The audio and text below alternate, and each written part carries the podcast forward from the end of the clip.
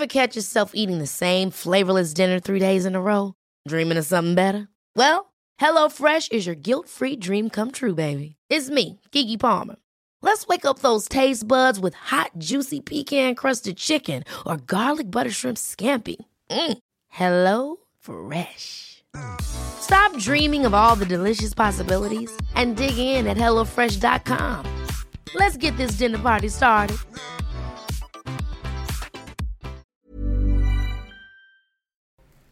Sådär! Hej! Hej. Hur är läget?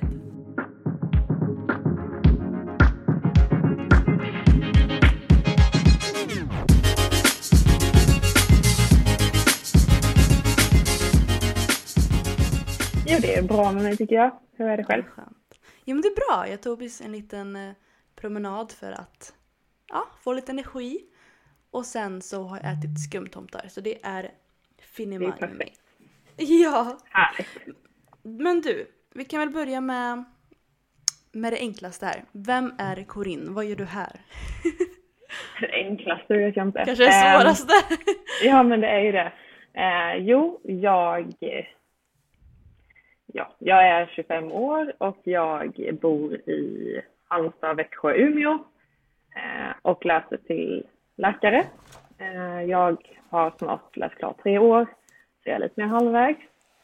Eh, på fritiden så tycker jag om att träna lite och jag har tävlat två säsonger i bikini. Ehm, och förutom att träna så pluggar jag mycket och ja, det är väl typ det. det är så underbart för Den alltid när snabba versionen. Ja, men när man frågar folk om den här frågan så brukar det bli ett CV-version. Och det är ju så, man vill ju veta så här, var kommer du ifrån, vad gör du? Vad ska, Ja. vad ska man ha med egentligen? Det är jättesvårt. Har ingen, alltså skriva CV och personliga brev, det är typ det svåraste. Så att eh, jag har ingen aning. Och hur man ska beskriva sig själv utan att säga vad det är man gör, det är svårt. Jag tyckte du gjorde det bra. Men eh, vi går vidare till nästa då. Vad, vad ska vi prata om idag? Eh, jo, tanken är att prata lite om eh, mens. Ehm, och lite rubbningar man kan ha i menstruationscykeln. ehm, som är ganska vanligt men som folk inte pratar så mycket om kanske. Eh, och sen prata lite om eh, preventivmedel. Är väl tanken. Spännande! Ja, det skulle bli jätteroligt. Ja, jätteviktigt. Vad, vad är din relation till det vi ska prata om idag? Vad, varför kan du någonting om detta? Alltså jag har ju alltid varit väldigt intresserad av eh, människokroppen och medicin och alltihopa. Eh, så därför är väl kanske lite mer intresserad än vad man kanske borde vara. Jag vet inte. Men eh, det var, jag hade själv eh, hypotalam amenorré, eh, som vi kommer att säga HA istället för att det är lite Ja. enklare. Ehm, för, och jag blev frisk om man säger så för kanske, vad var det nu då? Ja, ett år sedan. Ett och ett halvt, nej, ett och ett halvt år sedan måste- kanske. Ja, Lite mer än ett och ett halvt. ett år sedan. Ja. Ja, typ tidig vår 2019. tror jag. Ja. När Ehm, fick du det? Alltså det är lite svårt att säga. Ehm, Mm. För att jag hade en eh, hormonspiral innan.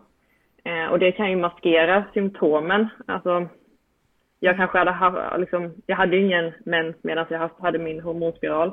Ehm, så det är svårt att säga om jag fick det tidigare, men jag tog ut den efter min första tävlingssäsong 2017. Så det tog ju ett och ett halvt år där tills jag fick tillbaka den. Ehm, för jag hade haft hormonspiral i några år innan dess, p-piller. Så jag hade inte haft någon regelbunden menscykel sedan jag var typ 15 ändå. Så det är svårt att säga när jag fick det. Men jag fick inte tillbaka min mens när jag tog ut min spiral 2017.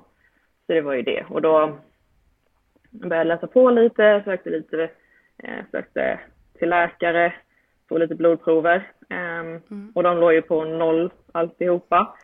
Ehm, och läkaren ville att jag skulle börja med p-piller igen. Ja, men jag klart. slutade ju för Ja. att jag mådde dåligt på det. Ehm, och sen så skulle jag precis eh, börja min diet inför min nästa tävlingssäsong. Mm. Eh, 2018 då. Ehm, och då ville jag inte börja mixtra med hormonerna och sånt där innan. Eh, och det var min sista säsong som junior så jag ville bara köra den och man kan ju säga, alltså alla får göra som de vill men eh, jag kände att det var viktigt för mig att fortsätta köra den dieten. Så jag gjorde det och tävlade. Mm. Eh, och kände att jag får jobba på det där efter dieten och tävlingen. Um, och det var det jag gjorde då, gick upp lite vikt, åt mer, jobbade väldigt mycket mentalt.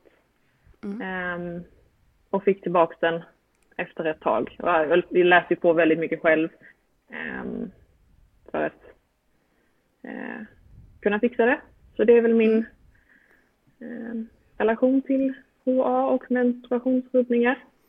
Ja, um, jag funderar på om vi, jag ska förklara min historia också detta, men jag vet inte om man, ska vi snabbt definiera kanske vad HA är och sen också definiera PCOS och ja, det är väl de två största orden vi kommer använda väldigt mycket och vi kommer säga HA och PCOS.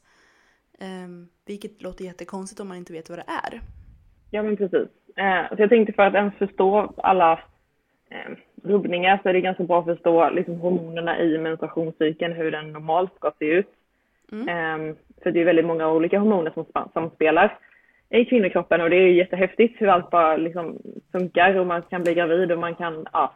Eh, så att eh, man har ju, systemet hänger ihop mellan hjärnan med hypotalamus, hypofysen och eh, sen är det ju ovarierna då, mm. äggstockarna. Och eh, där har du ju hormoner från hjärnan som kommer ner och stimulerar eh, äggstockarna. Och de från eh, hormonerna från hjärnan heter LH och FSH. Eh, och de stimulerar sedan hormoner då som produceras i äggstockarna bland annat. Och det är ju östrogen och progesteron som vi kommer att prata mycket om.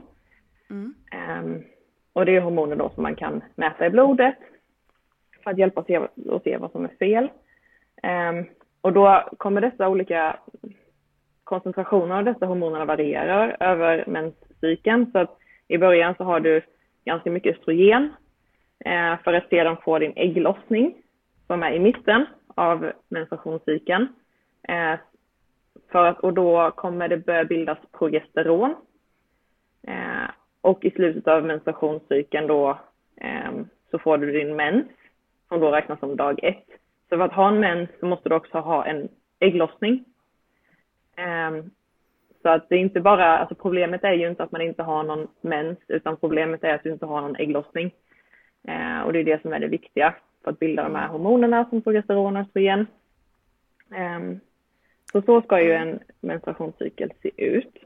Och ni som lyssnar nu, det, ni behöver inte kunna allt detta. Det enda som är det viktiga egentligen det är att vi behöver ha en ägglossning. Mm. Det är väl det viktiga i det här samtalet. Ja, och sen att det är många hormoner som samspelar. Ja. Eh, och det kan ju vara väldigt många olika problem med dessa hormoner. Därför, är det väldigt viktigt att gå till läkaren och få så ta blodprover på dessa. Mm. Eh, och det är ju då man kan ställa de här diagnoserna som vi ska prata om, som PCOS och HA. Mm. Eh, om vi börjar med HA då, som jag sa, eh, är hypotalamamenorré.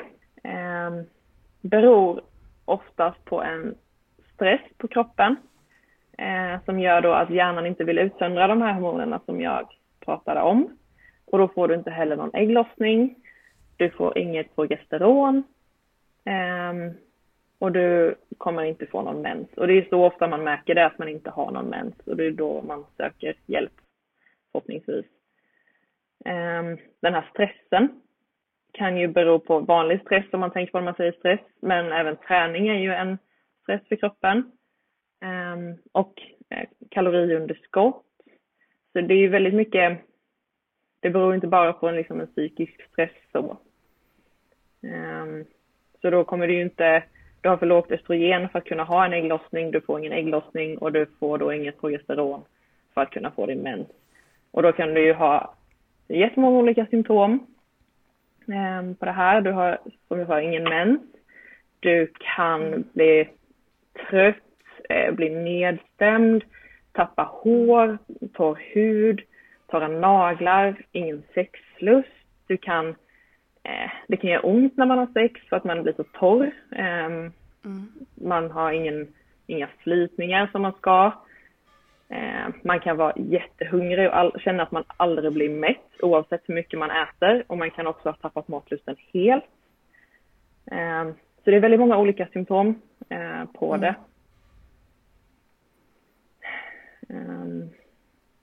Så... Mm. Superbra. Ja. Vi kan ju prata lite mer exakt för varför vi pratar om HA och PCOS i samma, för vi ska förklara PCOS också nu.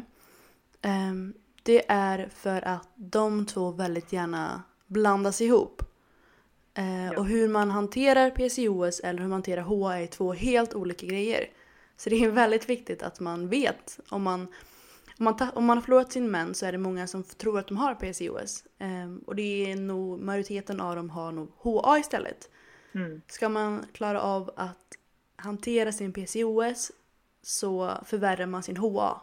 Om, mm. det är, om ni förstår vad jag menar där. Um, så det är viktigt att veta varför man inte har fått sin mens, vart, vart, vart det grundar sig. Mm, men PCOS då, vad, vad är det? PCOS eh, betyder polycystiska ovarialt syndrom, eh, som egentligen är lite konstigt namn, eh, som jag kan komma till varför, men eh, det man, kriterier där för att få en, den diagnosen är du ska ha två av tre kriterier och kriterierna är polycystiska ovarier, eh, som är då att man ser som små eh, cystor på äggstockarna när man gör ett ultraljud eh, vid en gynundersökning. Eller eh, så kan du ha utebliven mens eller oregelbunden mens. Eh, och det sista kriteriet är att du har en eh, antingen förhöjda testosteronnivåer eller att du har symptom på förhöjda testosteronnivåer som eh, behåring, alltså ökad behåring på armar, bröstkorg. Du kan ha problem med mycket akne, du kan behöva tappa hår på, mitt på huvudet så som man tänker att män gör. Um, ja. Mm. Um, så då ska du ha och två ni... av tre där. Mm, och ni som hör detta, det är ju redan nu väldigt problematiskt för att det är väldigt lika symptom. Mm. Um, jag menar någon som är stressad och fått HA kan ju börja få finnar och då har de ju finnar och sen har de tappat sin mens och då kan de tro direkt att de har PCOS. Mm. Och också att många som har HA har ju också um, cystor eller vad man säger. Um, ja, mm. som PCOS har. Men vi kan ju gå igenom exakt skillnaderna lite längre fram. Jag ville bara snabbt förklara vad det var innan vi börjar prata mer om det. Så ja, folk hänger alltså, med lite. Ja, precis för som du sa, alltså man, eh, det är lite problematiskt för att ett av de här kriterierna som du sa var eh, cystor på äggstockarna och det mm. kan du ha när du har HA, för det är bara tecken på att du inte har ägglossat. Mm. Eh, och, och sen så kommer du då att du liksom har eh, utebliven mens också. Då kan du ställa diagnosen PCOS om du ser cystorna och inte mm. har din mens. Men du kanske har normalt testosteron som egentligen borde vara det som är det viktiga i detta. Eh, så då får många diagnosen PCOS eh, utan att de faktiskt har det.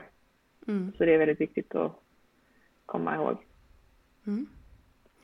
Ja, eh, men jag tänkte att jag skulle berätta min historia för att när jag la ut detta på Instagram så var det många som ville höra min historia för jag har nämnt att jag inte haft mens på länge och inte riktigt helt förklarat. Um, så jag tänkte att jag skulle dra min historia om detta innan vi går vidare till lite mer forskning och lite mer ja, fakta. um, ja, jag kommer från en familj som gillar mat om man säger så. Jag har alltid varit den lilla större vännen. Eh, kollar tillbaka så har jag aldrig varit liksom fet eller vad man säger utan jag har bara varit lite större eh, och ville gå ner i vikt. Så 2016 åkte jag till USA och som utbytesstudent och då blev jag tillsagd att du kommer gå upp i vikt. Alltså alla som åker till USA för, som i ett år, de går upp i vikt. Och då gjorde jag verkligen allting för att inte gå upp i vikt. Um, och det slutade med att jag istället gick ner i vikt.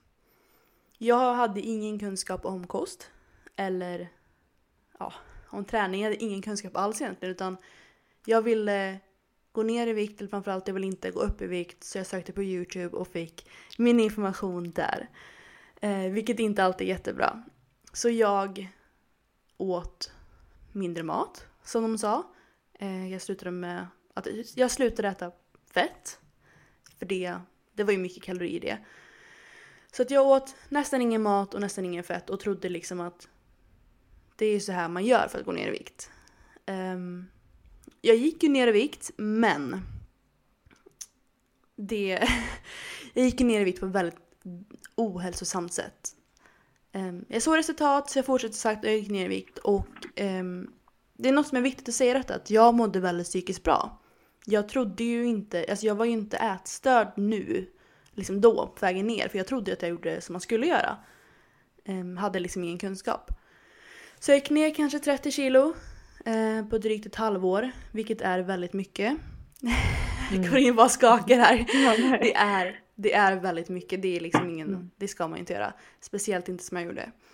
Jag tränade, ja precis när jag gick ner i vikt så började jag träna sex gånger i veckan. Liksom från noll gånger i veckan till sex gånger i veckan. Och jag åt fortfarande lite och här började jag få en dålig relation till mat. För att det var ju, jag tyckte att det var jobbigare nu. Liksom, hur ska jag göra nu? Jag har ju lärt mig själv att inte äta någonting. Hur gör jag nu? För att jag kan inte inte äta någonting för evigt. Jag måste på något sätt börja äta mer mat. Och det gjorde jag ändå. Jag började äta mer mat men det var liksom protein och grönsaker. det, var, det var fortfarande ingen fett. Ehm, så jag började träna sex gånger i veckan. Jag åt fortfarande typ ingenting. Ehm, och jag började andra året på IB, vilket är en väldigt tuff gymnasielinje. Så då blev det alltså stress, min, lite mat um, och mycket, mycket träning. I USA så när jag, eh, när jag gick ner, jag, alltså det var, jag hade liksom ingen fokus på att gå ner, jag ville bara liksom inte gå upp. Eh, så jag fattade inte att detta höll ihop. Men jag var liksom konstant hård i magen. Eh, vilket jag inte fattade. Nu i efterhand vet jag ju att det här är ju min, mina hormoner hade redan börjat rubbas då. För det kan vi prata om mer sen. Men jag var konstant hård i magen, det är det jag kommer ihåg. Och sen väl hemma eller i Sverige så började jag frysa konstant. Eh, innan skolan, jag kommer ihåg en gång jag skulle äta frukost innan skolan hos Henrik. Så jag åt frukost och sen när jag var klar, alltså jag, jag var tvungen att gå och lägga mig med vinterjacka och med två tecken för att jag skakade så mycket. Jag var inte sjuk utan jag bara... Min kropp klarade inte av att äta. Alltså den, all energi gick åt att ta upp min mat. Så jag blev så kall, jag frös så mycket. Och jag kommer också ihåg att jag... Um, jag, gick upp, jag gick och kollade, kollade mina sköldkörtlar för jag trodde att jag hade problem där.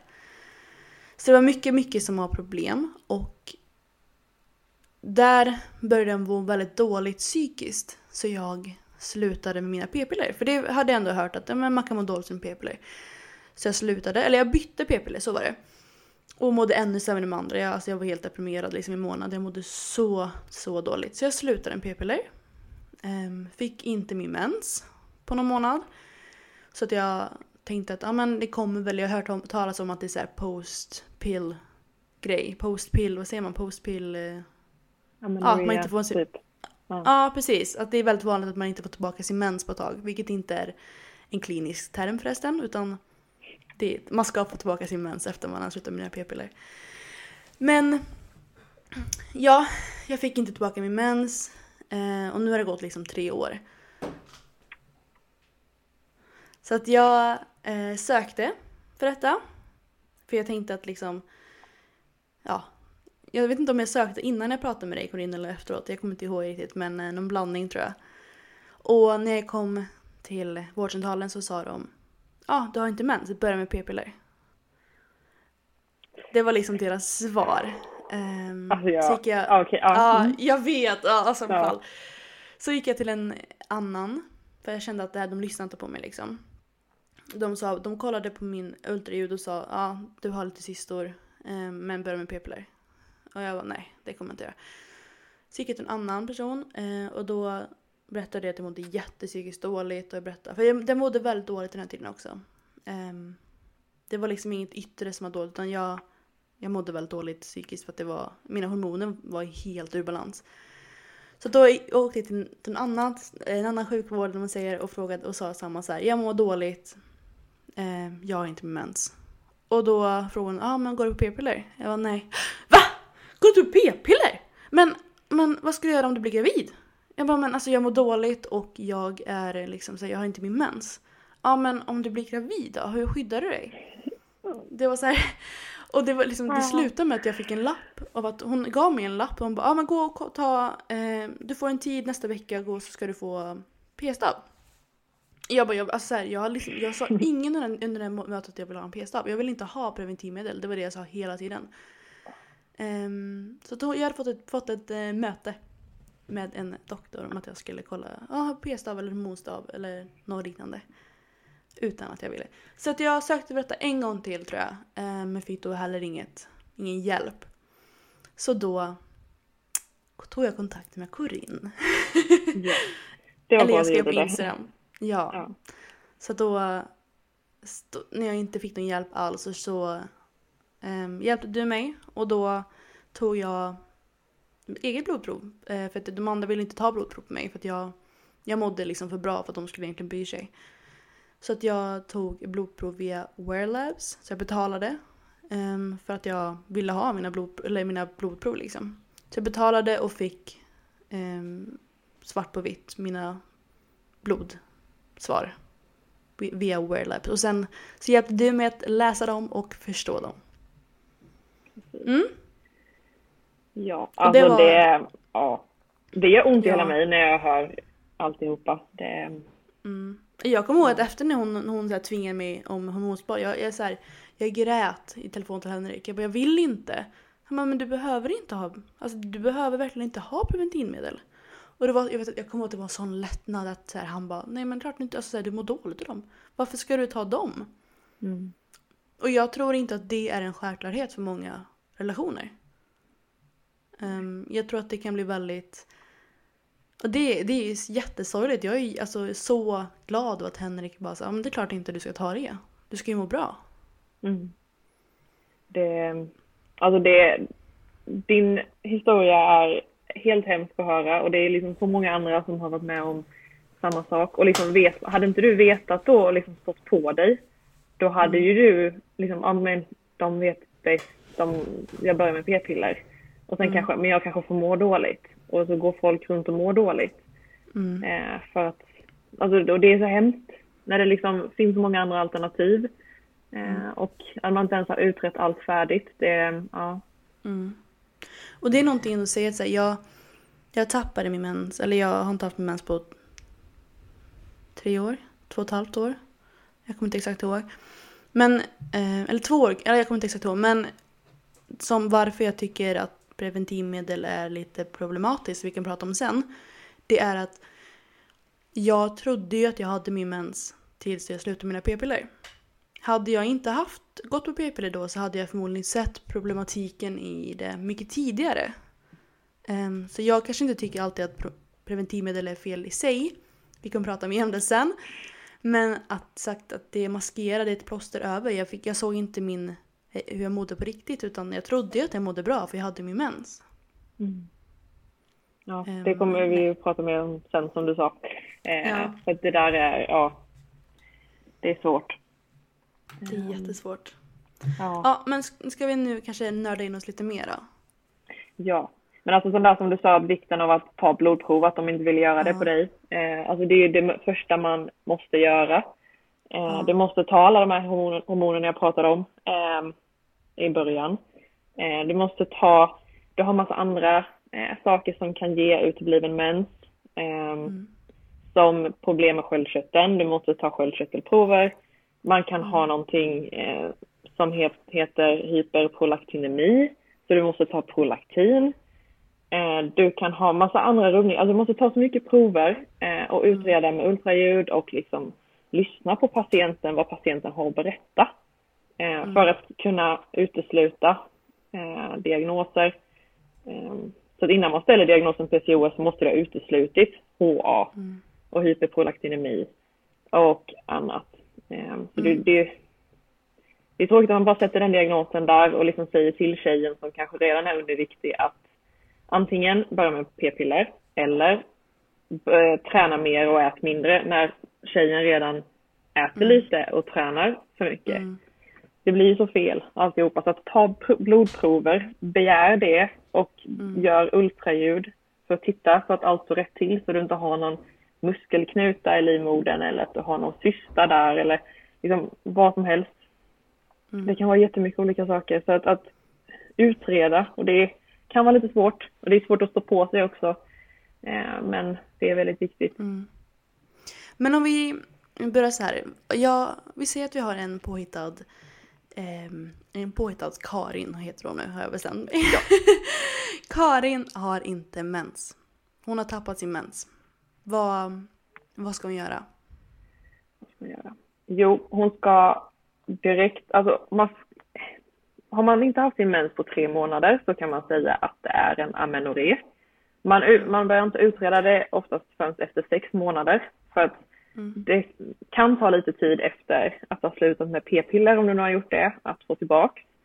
Eh, och där beror det också på, började du äta p-piller när du var 13 år och bara haft en menscykel och sen har ätit p-piller i 10 år och sen slutar, då har kroppen ingen aning om vad den ska göra med sina hormonsystem. Så det kommer ta lång tid för den att reglera det efter det. Eh, eller har det bara gått typ en liten stund på p-piller så kanske det går fortare. Så att, att vänta tre månader först för att låta, det kan vara så att man, man hoppar över en menscykel för att man har en kortvarig stress på jobbet. Mm. Det, eh, det är kanske inte någonting man måste söka för utan vänta i alla fall någon månad mm. och ring till om man har en kvinnoklinik eh, i sin stad. Eh, boka ett möte med en läkare och det ska vara ett möte, ett fysiskt möte. Man ska inte godta telefonmöte. Eh, så det är väl det man ska göra först. Allra först ska man såklart kolla om man är gravid. Ja, det, det, det kommer man också göra på, ja. på sjukhuset. Man tar graviditetstest. Mm. Um, för det, ja, som du säger, det är det viktigaste att göra först. Mm. Um, men okej, okay. för jag kommer ihåg att när jag skulle söka, först sökte jag tre månader tror jag. Och då sa de, tyvärr du är liksom så här, du kan inte söka än, det, det är inget problem. Och jag tror inte att jag fick komma efter, förrän ett år. Eh, ah, okay. det, det kan lite varit, det kan ha varit halvår, men jag är rätt säker på att det var ett år. För halvår är så här, ah, man brukar säga ett år. Så jag tror att det var ett år tog det för mig. Vilket mm. jag tycker är lite väl långt. Mm, det, det är lite väl långt. Mm. Det, um, så att ja, sex månader, um, inte längre tycker jag inte att man mm. ska göra. För att är det så något, något enkelt som att det är sköldkörteln, att du har någon mm. hypotyreos, då är det bara liksom börja med Levaxin och så fixar det sig liksom. Det kan vara en enkel mm. åtgärdbar orsak liksom. Så sex månader um, och så boka tid till läkare. Um, och där så vill du att läkaren ska göra ett, en gynundersökning med ultraljud. Eh, och du vill också ta blodprover. Och då eh, kanske fler än vad läkaren vill göra. Men i alla fall som sköldkörtelprover, eh, hormonprover eh, med prolaktin och testosteron, östrogen, progesteron och några av de andra. Det finns ganska många prover. Eh, mm. För att eh, ehm, prova, testa det och sen är det väldigt viktigt att man berättar också sin situation för att, att patientens egen historia är väldigt viktig också. Mm. Ehm, så att väldigt, vara väldigt tydlig med vad du har för tankar, vad du är orolig för, eh, mm. vad, du, vad du har läst innan, vad du kan, eh, hur du upplever, alltså med mat och träning och hur du upplever stressen. Ehm, mm. Och det är också ganska problematiskt för att jag tror, vad heter Caroline Pettersson, hon dietisten, mm. äh, la upp något bra inlägg ähm, häromdagen där hon skrev att man inte riktigt, att man ska inte lita på sig själv alltid. Mm. Ähm, och man ska ifrågasätta sig själv för att många som egentligen har ett problematiskt äh, synsätt på kost och träning inser inte det själva utan de tycker att det är helt normalt och att det är liksom att det påverkar inte livet men i själva verket så gör det det jättemycket. Mm. Ehm, så där kan vara lite problematiskt om man så säger till läkaren, ja men jag tränar lite, typ fyra gånger i veckan och jag äter tre stora måltider och mycket frukt och grönt och eh, godis, inte så ofta, kanske någon gång ibland. Alltså, och sen inte är så tydlig för då kommer ju läkaren kanske om inte läkaren är en sån som verkligen vill utforska, kommer ju lyssna på det eh, och ta in det i bedömningen. Så det är ju lite svårt, någon som kanske inte riktigt har den insikten. Ehm, men eh, så det är väldigt, väldigt viktigt att vara tydlig med det. Och där kan man ju ta hjälp av nära och kära.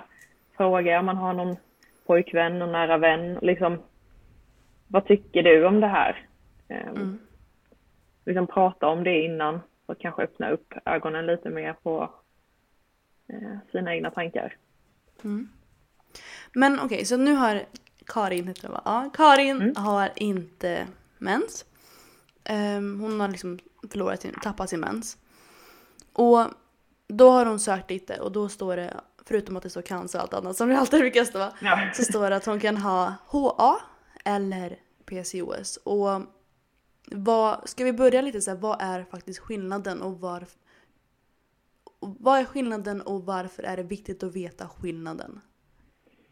Jo, eh, skillnaden är ju, man kan ser den liksom fysiskt i blodproverna. Eh, då jag sa att eh, innan att, eh, alltså det viktigaste är egentligen att patienten med PCOS har eh, för mycket testosteron, för mycket androgener. Eh, och ehm, och det kan, alltså PCOS kan bero på att du har en insulinresistens, eh, att du håller på, liksom på att få kanske högre risk för att få diabetes. Eh, det kan det bero på. Det kan bero på inflammation, så har man någon kronisk eh, inflammation i kroppen eller någon autoimmun sjukdom så kan eh, det också påverka. Men man vet inte riktigt orsaken. Alltså det, det finns inte så bra forskning på eh, orsaker och så. Så det är svårt att säga vad det beror på men skillnaden där är ju eh, alltså att du har ofta insulinresistens och att du har högt testosteron. Eh, Så att, att, att äggstockarna inte vill ägglossa riktigt eh, för att det är obalans i hormonerna medan vid HA så har du liksom för lite du har liksom suppressat alla hormoner från hjärnan så att du vill inte, de vill inte producera något östrogen så att du kan få någon ägglossning. Eh, Alltså skillnaden där, det är lite, alltså det är lite svårt med just skillnaden så. Eh, Men Så alltså jag att, också såhär, HA, jag tror, att, jag tror att folk har förstått men inte helt, helt så här. HA brukar komma från att man ehm, äter för lite, tränar för mycket och stressar. Ungefär. Det är väl grundgrejerna med HA. Så här, det är att du har stressat din kropp för mycket genom att äta för lite, sagt, träna för mycket. Ehm, och det är inte, alltså det handlar ju mycket om gener också. Förmodligen Alltså jag har inte haft min mens jättelänge. Och det är ju förmodligen för att jag åt för lite, tränade för mycket och eh, stressade väldigt mycket i skolan. Och nu har jag ätit jättemycket mat. Och jag tränar ingen hög cardio. Eller jag kör bara styrketräning. Och det kanske borde räcka för någon annan. Men just för mig så var inte det liksom nog. Um, och sen tror jag att jag stressar alldeles för mycket. Så jag tror att det är en stor anledning varför jag inte får tillbaka min mens. Men det är i alla fall huvudgrejen varför man får HA. PCOS som sagt, det är ju både HA, när man, när man inte har mens så har man ju ingen ägglossning, det pratade vi om förut. Har man ingen ägglossning då har man mycket cystor på äggstockarna. Så PCOS är ju ägg, alltså cystor på äggstockarna, det är ingen mens och det är testosteron. HA, det är också eh, cystor på äggstockarna för att du inte har mens och du har inte haft ägglossning. Så att jag vet att det är många, jag har hört tjejer som sagt att nej jag, jag har PCOS. Men jag har liksom, jag har inte, inte testosterondelen. Och då är det förmodligen, då är det förmodligen inte PCOS, då är det störst sannolik, sannolikhet HA. Varför folk inte vill acceptera HA, som inte jag vill göra i början, det är för att det blir liksom jag, det är mitt fel. Jag har ätit för lite, jag har tränat för mycket och jag har stressat mycket. Det är mycket enklare att acceptera en PCOS tycker jag. För att jag älskar träningen. Och i början kanske jag tränar för mycket men jag känner det senaste att jag jag tränar så mycket som jag vill och jag blir aldrig något måste för mig och det känns så dumt. Det känns nästan lite kränkande att det skulle, min kropp inte skulle tycka om det. Och det blir väldigt en personlig attack nästan och jag vill inte sluta träna. PCOS är mycket enklare, det är så här, ah, det är inte mitt fel. Men det är, så det tror jag att det är väldigt, varför folk tycker att det är väldigt svårt att acceptera HA. Mm. Alltså det, det är svårt att säga till någon som liksom, som du som tycker om att eh, träna mycket eller kanske någon som faktiskt är ätstörd. Mm. Att säga att jo men du måste gå upp i vikt, du måste mm. sluta träna och då är det ju väldigt lätt att men, godta någon annan diagnos istället. Um, och särskilt om läkaren då kanske säger att men, börja med p-piller så kanske du mm. skyddar ditt skelett i alla fall. Mm. Um, som är väldigt vanligt. Men det är ju också helt fel. Så att mm. um, det, det, är väldigt tufft att ta den diagnosen. Mm. Man, för det krävs ju att man gör mycket omprioriteringar och verkligen mm. funderar över vad som är viktigt egentligen. Och mm. ska jag prioritera att få tillbaka min mens eller ska jag prioritera att träna? Vad är, mm. vad är viktigt? Liksom fundera väldigt mycket på det. Um, mm. Så det är väldigt tufft att ta det. Ja, vi kan väl gå direkt till Um, gud det är så många frågor, det är svårt att ha en röd tråd. Eller det är alltid en röd tråd men alltså det, man hoppar för det är så mycket man vill berätta. Men vi kan mm. väl gå direkt till hur, om man har HA, um, ehm, jag tänker att det är nästan huvudsakliga grejen vi kan prata om med HA. Um, men vi kan börja med HA och sen prata om PCOS. Hur, hur får man tillbaka sin mens om man har HA? Ja, um, det, det, man, att ha HA beror ju på en stress på kroppen. Så att mm. minska den stressen, du måste, alltså att ligga på kaloriunderskott är en stress för kroppen, så ät mer. Att vara mm. underviktig är en stress för kroppen, så ät mer. Träning är en stress för kroppen. Um, så dra ner på träningen. Um, och eh, en, min, försök minska den psykiska stressen det är inte alltid lätt om man har ett jobb som är stressigt och så, men mm. verkligen försök jobba på det. Um, så den, men att göra detta det är ganska enkelt att säga att liksom, ja men ät mer, träna mindre. Men det är ju väldigt jobbigt att göra detta om det är någon mm. som liksom är ätstörd eller tycker att det är kul liksom på riktigt. Mm. Um, så man får jobba väldigt mycket med det mentala och hur man ser på sig själv, hur man ser på träning, kost, mm. vad som är viktigt i livet. Alltså det är så stora livsfrågor som man får liksom ja. börja fundera över. Um, så, så bara ät mer. Um, mm. Och då är det liksom ät mer av allt, ät mer fett för att könshormonerna är gjorda av fett. Mm. Uh, det finns många studier som visar på att veganer uh, ofta får att det är en riskfaktor för HA. Mm. Um, så där beror det ju på prioriteringar. Är det så, kan man tänka sig att börja äta något animaliskt fett med lite kolesterol eh, i, då alltså hormonerna är gjorda av kolesterol. Mm. Um, så fett är väldigt viktigt. Um, jag har eh, en, den största informationskällan man nästan kan få angående HA är ju den här now, No period now what. Um, mm. Det har jag i alla fall fått nästan majoriteten av min information. Och det är en bok och en av eh, några tjejer i USA som har gjort många studier på, på folk som har HA. Um, och det är väldigt få studier där ute som är gjorda på HA och PCOS tjejer. Så de är väldigt, väldigt bra. Um, de säger ät minst 2500 kalorier. Beroende på hur längd och storlekar och, och allt det där. Men minst 2500 kalorier per dag. Träna helst inte alls. Och stressa inte. Um, mm. Det är väl deras huvudsak, huvudsakliga grejer. De, och sen finns det också en tjej som heter Wolverine Jenny Kos, tror jag hon heter. Det är hon som är huvud... Hon, hon som pratar mest om detta i Sverige.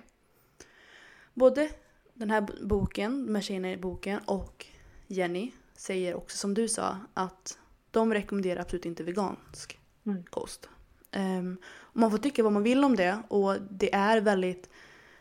Äter man veganskt för att det är för etiskt så får man ju tänka så här, vad är, är det villig med min egen hälsa eller är djurens hälsa viktigare. Är djurens hälsa viktigare för dig så absolut ät vegansk kost. Det, det liksom gör det du vill. Mm. Men om man om man inte om man prioriterar sin hälsa och inte har sin mens, ehm, då är det väldigt viktigt, eller då är det, tycker jag att man ska prova att äta kött igen.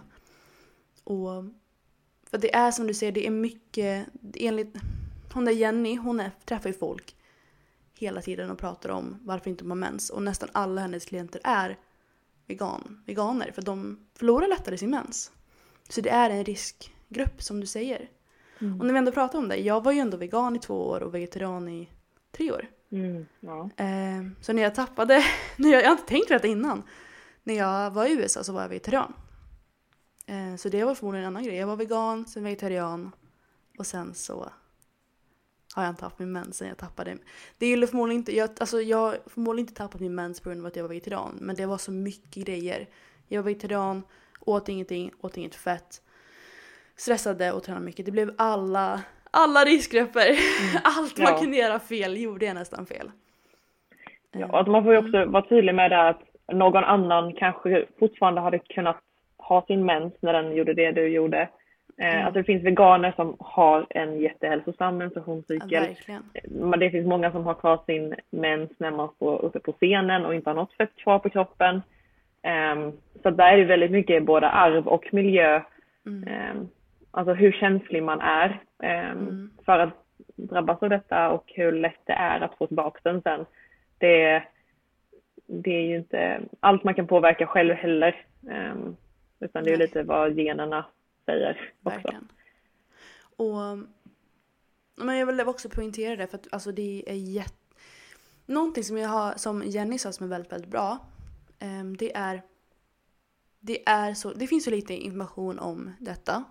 Um, varken, både HA, veganism och PCOS för tjejer. Nästan alla studier som är gjorda, någonsin typ, det är gjorda på män. Kollar man på den här Game Changer var, det var ju bara män i den, mm. i den filmen, jag tror det i alla fall. Um, och de säger ja ah, men män mår jättebra av vegansk kost. Ja, kanske absolut men det verkar inte som att tjejer mår lika bra av det. Tyvärr. Alltså det är, vegankost verkar ju hur bra som helst. Alltså, hade, hade det inte varit några bieffekter så hade jag kanske fortfarande varit mer vegan. Um, så ja, men det jag säga var att det är liksom inte coolt. Det är inte ekonomiskt givande, eller man säger, att göra massa studier på tjejer. För att vi har cyklar som är skitjobbiga att göra studier på. För det räcker liksom inte att kolla med en tjej till en annan tjej utan vi måste kolla på alla faser. Och alla tjejer har olika faser. Ja, så tyvärr så finns det inte lika mycket information om, om om tjejer och deras mens. Och det är någonting som. Mm, fortsätt du. det, det blir ju ett problem som... liksom. Eh, både, alltså, när det gäller alla andra sjukdomar också och eh, eh hur mediciner påverkar då vi har vår mens med våra liksom, fluktuerande hormoner ja. som kan påverkas av olika mediciner medan männens hormoner liksom är eh, samma nivå hela livet ut. Eh, och vi, det är så mycket som påverkar så det är svårt att forska på kvinnor. Så liksom, det är så mycket som påverkar och vad den kvinnan i den fasen i menscykeln och den här andra kvinnan var i den här fasen kan vi verkligen jämföra dessa medicinernas effekt på de här två olika kvinnorna då? Eller var det liksom hormonerna som påverkade metabolismen och annat? Alltså det, det är så svårt. Det är så svårt att forska mm. hos kvinnor. Ja, Men, och eh, för det märker jag väl så att um, en väldigt tydlig sak som jag kan se i, i våran liksom kroppsbyggningsvärld det är ju killar kan killar kan klara sig med allt. Alltså det känns verkligen som det. De kan skita i sin fett typ. Alltså de kan i princip äta vad de vill. Så länge det är kaloriunderskott så kommer de gå ner. Så länge det är kaloriöverskott så kommer de gå upp. Alltså det, de, det känns som att det är väldigt mycket enklare för dem. Och det är väldigt problematiskt när manliga coacher vill hjälpa kvinnliga tjejer som har mens Eh, för då applicerar de samma sak som man gjort med killar. Då sätter de dem på jättelåg fett och oj, mensen försvann väldigt, väldigt mm. fort där. Och det, alltså det är väldigt problematiskt för att det... Det finns så lite kunskap. Tyvärr. Alltså det märkte man ju typ när jag går och gick till ja, när jag hade problem med min mens själv. Det är ju så här, de, det första de säger är men börja med p-piller. Och det är Mm. absolut, jag kan förstå deras, deras syn, deras tankar där. Men om jag har sagt att jag inte vill ha preventivmedel så borde det gå att lösa mina problem på andra sätt. Och jag vill också tydlig med det att preventivmedel, jag tycker inte de passar för mig och jag tycker att det finns många negativa saker med preventivmedel. Men för vissa funkar det superbra. Och det är viktigt att säga det att vissa älskar att ha preventivmedel. Vissa mår mycket bättre med sina preventivmedel. Och i historiskt så har det hjälpt oss supermycket. Så det är inte bara negativt med preventivmedel, jag vill bara säga det. Ja. Mm. Men precis. Ehm, Så att, och där, alltså, många läkare ger ju då när man har, så fort man har en menstruationsrubbning att, ja men, Mm. um, börja p-piller ehm, för Mm. att reglera din mens.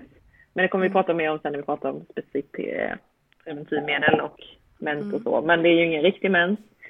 Ehm, och det kommer ju inte fixa någonting. Det är som att sätta plåster på såren. Så att, ehm, att det, det är bättre att försöka eh, fixa orsaken till att man har en rubbning. Mm. Så att, att följa de här råden nu som eh, Julia tar upp, vilka, vilka det var. ehm, med att äta mer, särskilt fett och kolhydrater och alltihopa, träna mindre, stressa mindre.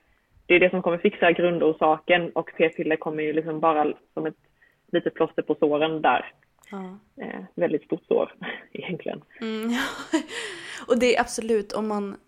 Jag kan själv känna det, så ibland vill jag bara börja med p-pillering för jag orkar liksom inte detta. Det är, jag tar ju, som ni märker, jag har inte fått tillbaka min mens. Jag har inte helt tagit, rätt, tag, tagit tag i detta. Eh, så det är ju all... Du har ju all rätt att börja med p-piller. Du har all rätt att skita i detta. Du har all rätt att göra exakt vad du vill. Det viktiga är bara att du vet varför och vad du grundar det i. Grundar du i det för att du liksom inte har någon kunskap i vad man, du tror att det är enda utvägen, då är det ju fel. Ehm, du ska ju välja dina beslut för att du genuint vill och du kan och du kan välja ett klokt beslut. Och det är det, vi vill inte säga så här börja inte med p-piller, vi vill inte säga eh, sluta träna eller någonting. Ehm, vi vill bara informera. Mm. Och någonting som jag tänkte också ta upp det är att Ellen, Niel, jag till Ellen Nielsen för ett år sedan. Eh, för att hon hade också haft tappat sin mens och jag frågade vad, vad gjorde du liksom? Och hon, nu ska jag ta upp här så vi säger rätt här. Det hon gjorde för att få tillbaka sin mens är var i störst och främst minska stress i vardagen. Och då sa hon, läkarna sa även till mig att jag skulle dra ner på träningen men det är inte ett alternativ för mig så jag gjorde aldrig det. Jag tränade på som vanligt. Sedan ökade jag också fettet i kosten. Låg någonstans mellan 100-120 gram fett per dag endast från avokado, nötter, lax och olja. Jag tog bort alla eh, mjölkprodukter och åt endast protein i animaliska form samt mycket grönsaker och bär. En fettrik kost med rik på vitaminer, mineral och antioxidanter samt utan mjölkprodukter kan man komma långt på. Och sen såklart minska på vardaglig stress och se till att sova 8-9 timmar per natt. Det var hennes grej. Och det är ju rent anekdotiskt, det funkade för henne. Men jag ville egentligen ge en kontrast där att även om eh, Jenny och den här boken jag pratade om förut, även om de säger, eller de rekommenderar väldigt mycket, träna inte alls, eh, ät minst 2500 kalorier och stressa inte. Så finns det många tjejer som har fått tillbaka sin mens trots att de inte har slutat träna. För det är ändå den publiken vi har här, träningsälskade människor. Så det kan vara bra att veta att det finns andra alternativ men de är inte lika, de kommer inte garantera resultat på samma sätt. Alltså jag tränade också fortfarande när jag fick tillbaka min mens. Men jag hade ju dragit ner eh, på träningen och jag körde inga högrepp så jag fick upp pulsen och jag körde inga Mm. maxlyft så att jag liksom eh, gav den stressen på kroppen. Jag ändrade helt synsätt på träningen. Mm. Så det var nog mycket det och sen åt jag ju hur mycket som helst också. Men Mm. eh, så att jag, jag tränade också typ Mm. tre gånger i veckan ungefär. Ehm, Så att det går ju. Och där liksom alla, alla får tillbaka den olika lätt. Så att man får prova sig fram och man prioritera vad är, vill du få tillbaka den snabbt och liksom vara säker på att det går. Vill du, har du önskan om att bli gravid, liksom, då kanske det är värt att sluta träna. Men är det så att du kanske inte har någon önskan att bli gravid inom någon snar framtid, du liksom vill inte sluta träna, ja men prova då. Alltså det, det finns inget rätt eller fel så. Um, mm. Och det är väldigt viktigt att säga, och man ska inte bli besviken att liksom, att ja men Corinne hon fick tillbaka sin mens hon tränade tre gånger i veckan. Men jag får mm. inte det på en gång i veckan. Eller jag får inte det och jag tränar ingenting. Eller gör jag något annat fel? Men alltså det behöver inte vara, det är för att alla är olika känsliga liksom. Mm. Men om man går tillbaka till den här boken jag pratade om. Um, enligt dem, om man gör detta så har de, alltså då är det verkligen så att gå all in. Um, man kan tänka lite som Stephanie Buttermore om ni vet vem det är. Eh, ja, Corinne nickar. Ni som lyssnar kanske inte vet vem det är. Det är en youtuber som har gått all in för att hon hade väldigt problem med sin hunger. Eh, så hon, hon liksom gick all in vilket är att hon åt hon åt allt när hon, hon åt när hon var hungrig. Um, och då kunde det liksom vara 6000 kalorier vissa dagar. Så hon brydde sig inte, hon bara åt när hon var hungrig. Um, ja. Så om man följde det att man gick all in, liksom man åt när man var hungrig. Och slutade med all träning och slutade, försökte sluta stressa och sov ordentligt. Och jag tror också typ så här, koffein tar bort. Jag kommer inte ihåg exakta. Det går att söka upp, jag kan länka här nere sen. Eh, följde man deras rekommendationer så har de kollat på de tjejerna som gjorde det. Och då var det eh, om de hade en studie på över 300 personer med HA. Och då var medianen att få tillbaka sin mens sex månader. Um, och det var liksom oavsett om du inte haft en mens på tre månader eller tio år. Men som sagt, då, då måste man verkligen... För att, det ska bli, för att det ska gå så här så pass snabbt som de säger så är det att man måste gå all in. Och det har jag aldrig gjort. Jag har aldrig slutat med träningen. Jag har ätit jättemycket. Eh, och jag drog ner träningen väldigt mycket, ett halvår eller vad vi vad jag nu gjorde. Men eh, jag tror inte jag fick ner min stress. Um, och då funkade inte det. Ja, det, det, det kanske funkat att, att träna och äta mycket om jag inte är stressad. Men eh, det, det gjorde inte det. Och jag kanske borde ta tag i det men ehm, det är ett fritt land där så jag tänker Jag tänker faktiskt inte göra det just nu och det är kanske inte alltid jättebra. Men eh, så är det jag gör. Tyvärr. Okej. Ehm, okay. Um, HA har pratat om och hur man blir av med HA. Hur man får tillbaka sin mens om man har HA. Och PCOS då? Hur får man tillbaka sin mens om man har PCOS? Ja du, det är en väldigt bra fråga för jag tror inte att någon vet riktigt exakt hur man ska göra. Um, Alltså man får ju försöka fixa det underliggande orsaken så är det att du har en insulinresistens. Mm. Då är det ju att ja, men, ät nyttigare, träna mer, fokusera på högintensiv träning, bygg muskler som lättare kan ta upp glukos, eh, liksom dra ner på kolhydraterna och ät mer långsamma kolhydrater och mer liksom, fett och protein. Så det är ju verkligen motsatsen till vad man ska göra Precis. om man har HA. Det är, så därför är det mm. väldigt viktigt att få rätt diagnos där. Um, för det är verkligen motsatsen. Och har man någon annan underliggande inflammation, man kan ha IBS som ger en mm. kronisk inflammation. Försök göra den bättre. Uh, det, alltså det är jättesvårt, men där riktlinjer och så är ju också att man ska sätta in kanske antiandrogena p-piller. Uh, man ska ge Metformin och mm. det är ju inte heller att fixa orsaken. Utan då är det liksom att uh, ja, ät mindre, träna mer. Så det är verkligen tvärt mm. emot mot HA. Mm. Och det finns ju också fall av tjejer som har dragit den underbara nitlotten att ha PCOS och HA. Det mm. finns. Um, ja, det. Och det kan jag inte ens yttra mig hur man gör det där. Det får man verkligen ta professionell hjälp. Och tyvärr så finns det inte jättemycket professionell hjälp här i Sverige om man inte vill bli gravid. Det finns mycket hjälp om man vill bli gravid. Ehm, men eh, annars är det faktiskt tyvärr väldigt svårt. Men jag tror att det kommer ändra sig väldigt snart. För jag vet bara att ett år sedan när vi, du och jag pratade om detta som mest. Eh, då lyssnade jag mycket på Jenny eh, Ko som är Wolverine, den här tjejen pratade om i Sverige. Då fanns det inte jättemycket poddar hon var med i. Nu ett år efteråt när jag lyssnade på poddar den här gången. Herregud vad mycket information det fanns då. Så det har hänt väldigt mycket på ett år och jag tror att det kommer hända väldigt mycket de närmaste åren igen. Mm. Och någonting jag ändå vill ta upp det är så här när tyvärr den här boken, eh, vilket jag tycker är väldigt bra, den då pratar de mycket om så här, men det är mer än, livet är mer än träning.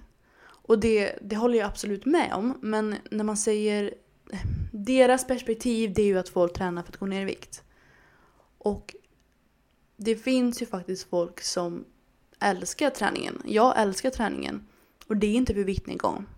Det är inte för något annat utan det är för att jag tycker det är, det är min, genuin, min genuina hobby.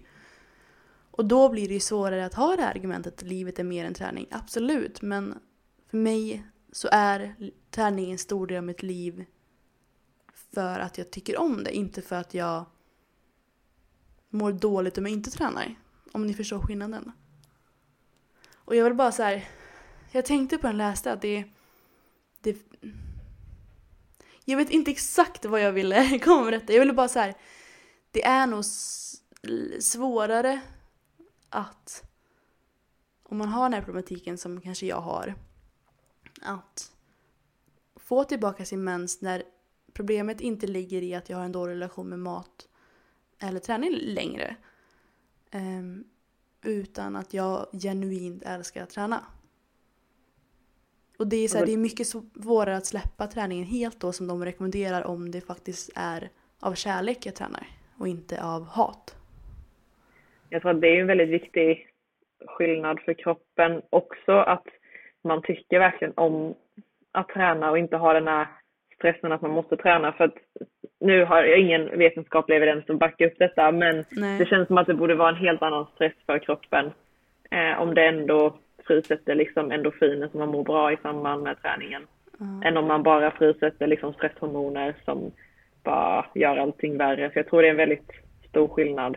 Eh, och då får man ju liksom fundera över hur mycket vill man ha tillbaks sin mens. Eh, Alltså har man mycket andra symptom som kanske man tappar, börjar tappa håret hur mycket som helst. Jag tappade väldigt mycket hår och tyckte det var jättehemskt.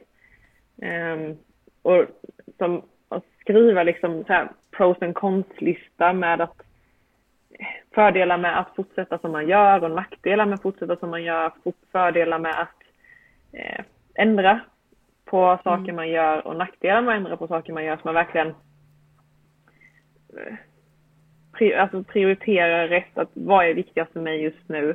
Är det viktigt att få mm. tillbaka min mens?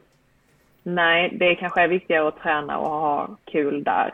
Ja, men då, då, alltså det är inget rätt eller fel på hur man ska göra. Um, men är det väldigt viktigt, vill man kanske bli gravid, Nej. att det är en största önskan inom något år, då kanske man får tänka om lite där att ja, men, jag vill bli gravid så mycket så att jag vill få tillbaka min mens. Eller det är väldigt viktigt för mig att få tillbaka min sexlust för att mitt förhållande ska vara bra. Eller att, mitt, att jag inte ska tappa allt håret. Alltså vad är viktigast där?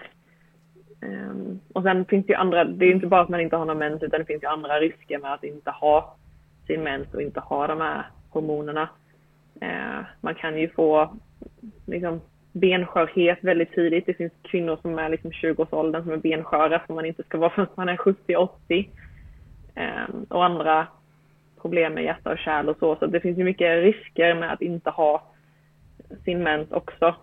Ehm, som inte går att fixa med p-piller ehm, heller. Så det är väldigt viktigt att man försöker rannsaka sig själv lite där och eh, fundera på vad som är viktigt just nu för individen. Så det är ingenting som är rätt eller fel alla, alla kommer göra olika, alla har olika prioriteringar, alla tycker att olika saker är viktiga, alla har olika liv. Man kan inte jämföra mm. sig med någon annan, annan gällande någonting. Så att verkligen fundera på, på det. Mm.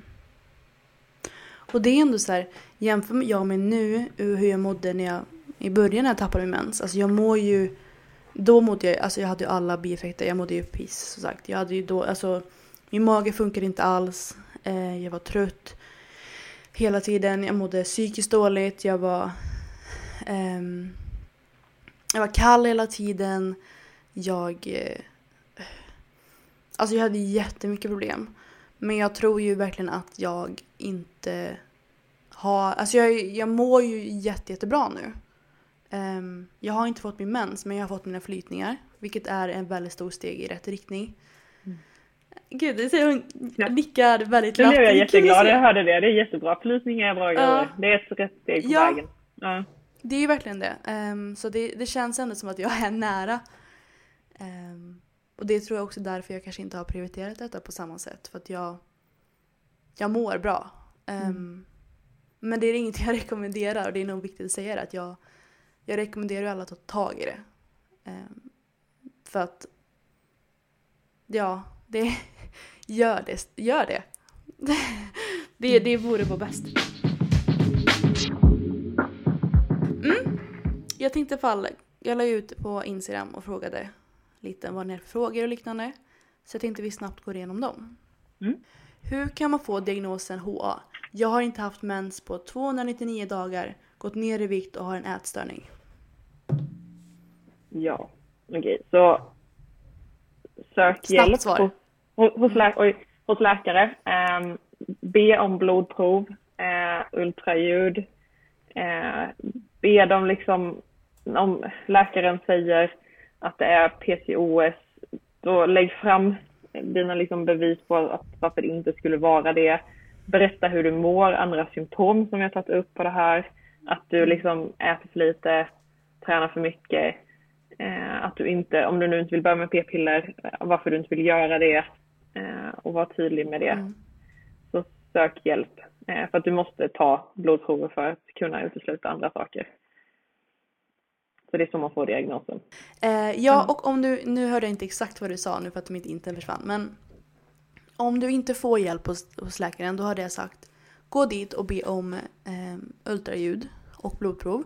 De, hon kommer förmodligen säga nej till blodprov. Eh, och då hade jag lagt, och gått till Wearlabs, eller så här, sökt på wearlabs.com och köpt ett eget blodprov. Det kostar pengar, det kostar ganska mycket, över 1000 kronor, men det är väldigt värt det. Jag tror att eh, vilken exakt du ska ha. Kan vi ta upp det så att vi får svart på vitt? Jag försökte titta um, där. De, eh, jag tror de har ändrat om lite sen eh, de proverna du tog. Ja, verkligen. För jag känner inte igen någonting. Blodprov där. Mm, fertilitet, fertilitet och graviditet var, var det väl? Ja, det kanske det var. Nej, kanske inte. Jo. Fertilitetstestet. Jag tror det. Då får man FSH, AMH, LH, prolaktin, östrogen. Eh, ja. och sen får man ja, lite mer. Men den, det är väl den vi, man ska kolla? Ja, jag tror det är nog de viktiga proverna.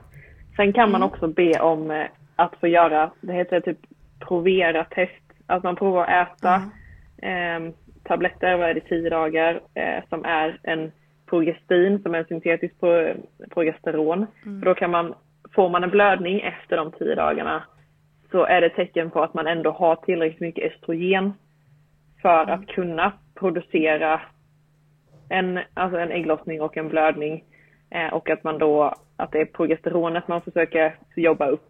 Så att då är mm. det är ett tecken på att man är på god väg åt rätt håll om man får en blödning på det. Får man ingen mm. blödning så har man lite mer, lite längre till menstruation tyvärr. Jag tänkte jag ska bara läsa upp lite vad folk säger här. Um, då säger de bland annat att de har haft jättebra erfarenhet av p-piller. Uh, vissa har haft dålig erfarenhet av p-piller. Vissa har haft lättare att, att bygga muskler utan p-piller. Um, vissa säger att man fick väldigt mycket ångest av sina p-piller. Och att någon berättade om att de hade jättemycket problematik när de eh, la in sin hormonspiral för att hon hade endometrios. Um, ja, jag ville bara snabbt säga det men det är så mycket annat jag pratar om så vi, jag får nog faktiskt strunta i de eh, Instagram-frågorna för det, det finns annat jag tycker är lite viktigare att prata om just nu. Gud vad det lät elakt. Uh, jag vill i alla fall ta fram den här boken igen och prata om, så här säger deras boken om, om du har HA. Um, då är The Keys of Diagnosing HAR. low to normal LH, probably no bleed in response to Provera. Den vi pratar med Provera challenge. Om man inte får en blödning då har man förmodligen väldigt djupt in i HA. Eh, thin uterine lining when examined by ultrasound. Ehm, tunn... Ultra, Slemhinna. hur säger man? Ja, precis tack. Ehm, när man gör ultraljud. No large dominant follicles in your ovaries. Alltså inga stora cystor. Eh, utan mer små cystor för att du inte har, du har inte fått en ägglossning helt enkelt. Och many small. Eh, väldigt många små cystor. Så det är, det är de eh, huvudsakerna som de pratar om om man har HA. Ja, jag tror att vi, alltså det jag pratar en timme till men jag tror vi måste lägga på nu. Faktiskt. Ja, jag vill ju prata om p-piller också, eller preventivmedel, men då Ja. hinner vi inte det, det är synd. Vi kan prata lite snabbt om det, vi har tre minuter på oss. Okej. Ja, okej. Vad är dina Jag vill- tankar om preventivmedel? Jag vill börja med att säga att p-piller eller preventivmedel innehåller ju inte kroppens vanliga hormoner utan det är syntetiska hormoner. Eh, Så att, att det- det skulle skydda mot eh, benskörhet och hjärt och kärlsjukdomar som kvinnans egenproducerade hormoner gör stämmer inte. Och det finns studier som backar upp detta också. Ehm, så att, och man vet inte ens vad alla p-piller, de här syntetiska hormonerna gör i kroppen. Så att det ger mycket diffusa symptom, man kan bli deprimerad, man kan få problem med smärtor. Alltså det, man får så mycket symptom som inte har med menstruationen att göra. Um, så det är en sak. Och en annan sak är att de säger att man ska reglera mensen. Och man tror att man har regelbunden mens för att mensen kommer när den ska, inom citationstecken. Ehm, men det är ingen riktig mens. För att, för att ha en mens så måste du ha en ägglossning. Och på p-piller så har du ingen ägglossning för att det är hela grejen med p-piller, att du inte ska ha någon ägglossning. För att p-piller är för att du inte ska bli gravid. Så det är ingen riktig mens. Um, så att, att sätta in p-piller som behandling mot en annan djupare sjukdom eller besvär, det är, alltså det är lite, i mina ögon lite konstigt. Eh, varför man skulle göra det när det finns studier och alltså riktlinjer, internationella riktlinjer från Endocrine Society som liksom säger att de rekommenderar inte att man sätter in det. För att som du sa, att det kan maskera symptom på HA och då kanske man kommer börja få en benskörhet fast man inte tror det för att man har ju en regelbunden mens på sina p-piller fast det är ju inte det. Ja, det det är huvudsaken besvär. som du vill fram och jag tror också att jag vill fram med varför vi kan tycka att, att p-piller kan vara problematiskt. Det är att har du mens under när du tar liksom tillsätter hormoner i preventivmedel, det är liksom inte din mens, det räknas inte. Så då tror du att du har en regelbunden mens, men du har inte det. Och återigen så här, funkar p-piller för dig, kör på. Men så du vet att om du, om du är ätstörd och har ätit jättelite och du har alla bieffekter vi pratat om eller du vet om att du inte har en- en hälsosam livssituation men du tänker men jag har mens så kan du inte lita på det om du går på preventivmedel. Precis. Så det, det man får säga vad man vill om preventivmedel och det är liksom inget rätt eller fel och alla får göra som de själva vill men jag tycker att man ska ha rätt underlag för att göra den bedömningen om man ska ha p-piller eller inte. För att det är inte det enda sättet för att förhindra graviditet utan det finns massa Nej. andra sätt också. Eh, Så det är inte det enda sättet. Eh, Om man nu äter p-piller för att inte bli gravid. Så nu måste vi verkligen, verkligen lägga på. Ja. Eh, mina sista ord är att jag vill tipsa om Support for Hypothalamic Ammon... Alltså gud vilket svårt ord. Ehm, recovery No Period No What. Det är en Facebookgrupp. Ehm, den är jättebra. Det är liksom en, en grupp för folk som har HA. Och sen vill jag tipsa om boken No Period No, period, no What.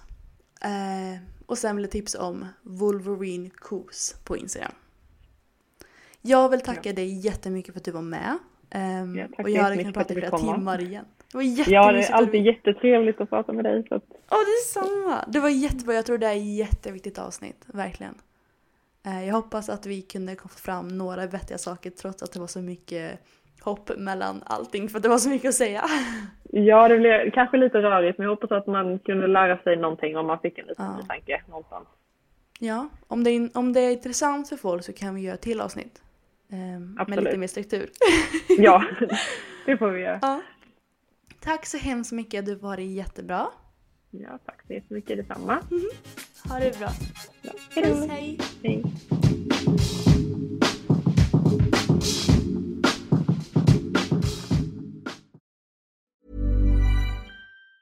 Ever catch yourself eating the same flavorless dinner three days in a row? Dreaming of something better? Well, HelloFresh is your guilt-free dream come true, baby. It's me, Kiki Palmer. Let's wake up those taste buds with hot, juicy pecan-crusted chicken or garlic butter shrimp scampi. Mm. Hello Fresh. Stop dreaming of all the delicious possibilities and dig in at HelloFresh.com. Let's get this dinner party started.